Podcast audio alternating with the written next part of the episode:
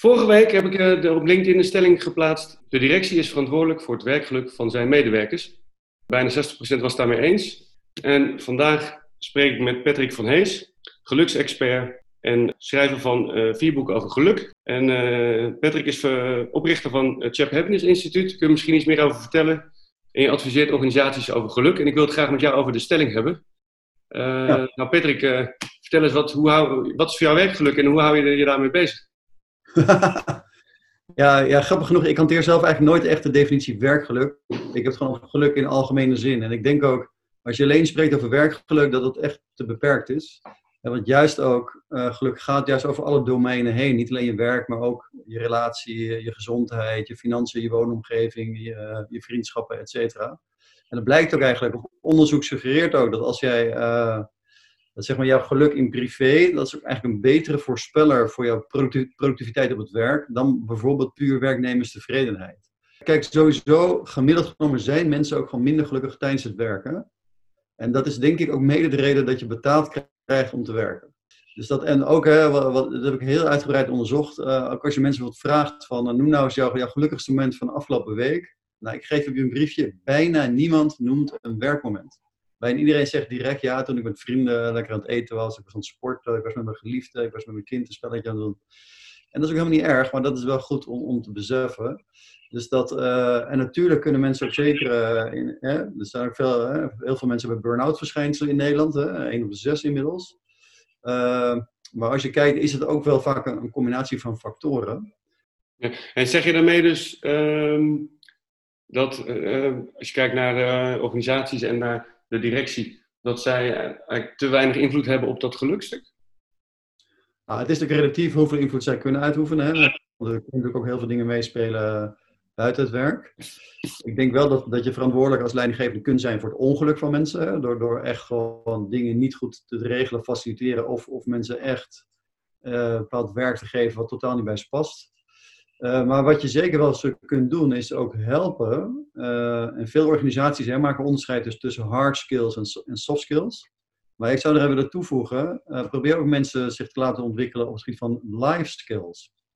Waarbij ze ook leert, zeg maar, om in algemene zin zeg maar, meer geluksvaardigheden aan te leren. Waarbij ze, waar ze ook baat bij hebben, zeg maar, in, in de privéomgeving. maar wat ook zeker zich weer, weer doorvertaalt gewoon op de werkvloer. Want, want hè, onderzoek suggereert ook dat gelukkige professionals, die zijn productiever, die zijn creatiever, socialer, zijn minder vaak ziek en ook beter bestand tegen burn-out. Dus ook, het gaat ook al heel snel, zeg maar, uh, uh, ja, betaalt zich heel snel terug als investering. Wat ik interessant vind, je zegt daarin volgens mij twee dingen. Eén is ja, het is heel belangrijk voor, de, voor het succes van een organisatie dat je medewerkers gelukkig zijn. Dat blijkt uit het onderzoeken, volgens mij. Ja. Dus het is zeker iets wat op de agenda of moet of handig is om op de agenda te zetten, omdat het bijdraagt aan je succes en winstgevendheid van je, van je organisatie. En twee, zeg je dan van joh, waar iedereen dan denkt, oké, dan moeten we uh, vanuit de cultuur of vanuit een collectief iets, moeten we zorgen dat de werkomstandigheden goed zijn, zodat mensen gelukkig zijn. En dan zeg jij, nee, nee, focus met name op de life skill en de, de, de life skill van de mensen, zodat ze zichzelf beter kunnen ontwikkelen om zichzelf gelukkiger te voelen. Zeg ik dat zo? Ja, natuurlijk, ja, zeker. En die omstandigheden moet je niet uitvlakken. Maar dat, en daarbij wil ik nog wel zeggen dat ook want dat zie ik wel, organisaties die, die dat best wel doen, maar wat ze dan doen is bijna altijd per definitie one size fits all. Je moet ook op individueel niveau, en het leuke is, dat is wat wij dus vrij veel doen, dat je ook werknemers een individueel geluksrapport aanbiedt, dat je individueel kunt kijken, en ik weet toevallig dat jij dat ook in het verleden hebt, uh, een keer uh, hebt ontvangen, dat je individueel kunt kijken, oké, wat is nou eigenlijk mijn geluksprofiel? Waar doe ik het, wat is overal mijn geluksniveau, maar vooral onder de motorkap, waar doe ik het nou goed? En wat zijn zeg maar, mijn geluksbronnen? Die moet ik koesteren in stand houden. En wat zijn mijn groeigebieden waar ik het relatief uh, minder goed doe en waar ik misschien in kan, kan ontwikkelen? En als je daar dan vervolgens zoveel mogelijk gevalideerde interventies op voorstelt, dan heb je veel meer gericht, uh, dat je mensen veel meer gericht helpt. Je hebt veel minder verspilling. Mensen zijn ook intrinsiek gemotiveerd om er iets mee te doen. En een vervolgstap kan dan wel zijn als organisatie dat je dan weer geanonimiseerd en geaggregeerde informatie uh, terug ontvangt, waarbij je dan ook wat meer informatie hebt. Nou, hoe staat het dan met het geluk van onze mensen? Maar hoe kunnen wij ook nog bijdragen in de organisatie op die verschillende geluksvoorspellers? En dan eventueel weer een link leggen naar bijvoorbeeld je kernwaarden als organisatie. Oké, mooi. Begrijp ik het goed dat je dus zegt, maak geluk een onderdeel van het persoonlijk ontwikkelplan van uh, iedere werknemer. Ja, precies, ja. Ja, dus dat is ook eigenlijk, ja, je kan zelfs een gelukscontract aangaan. Hè? Dus dat, dat je inderdaad zegt, bij de onboarding krijg je al direct jouw eerste geluksrapport. En dat gaan we meenemen in je ontwikkeling. En, dat, uh, en wat je ook merkt, dat mensen vinden dat echt leuk. Dat is iets heel anders dan dat je zegt, wil je alsjeblieft weer eens een keer deze werknemerstevredenheidsvragenlijst invullen? dat is heel erg zo paternalistisch vanuit de werkgever van, uh, jij moet er iets voor mij doen. Maar nee, ik geef jou gewoon een persoonlijk cadeau. Het is goed voor ons als organisatie, maar we gunnen het jou ook als mens. En als ik hem dan plat sla en ik kijk naar de stelling, is die directie wel of niet verantwoordelijk? Wat is daarop je antwoord? Ja, met zo'n stelling moet je er altijd ja of nee zeggen. Dus dan zou ik denk ik toch nee zeggen. Ze zijn niet verantwoordelijk voor, maar ze kunnen er wel zeker een, een significante bijdrage aan leveren. En de vraag is, hoe ver wil je gaan als organisatie? En, en nogmaals, ja, het is ook financieel gezien, is het ook gewoon slim om ook gewoon te investeren in het geluk van je mensen. En je kunt ze daarbij helpen op, op verschillende niveaus. Ja, nou, ik maak ook de vergelijking, want ik, ik kreeg ook veel terug, veel mensen die uh, inderdaad niet mee eens waren vanuit het idee, ja, iedereen is verantwoordelijk voor zijn eigen geluk ja, ik denk ja, klopt. Ik kan ook niets tussenbrengen. Uh, de directie is ook verantwoordelijk voor de winst van de organisatie. En de winst hebben ze ook niet volledig in hand.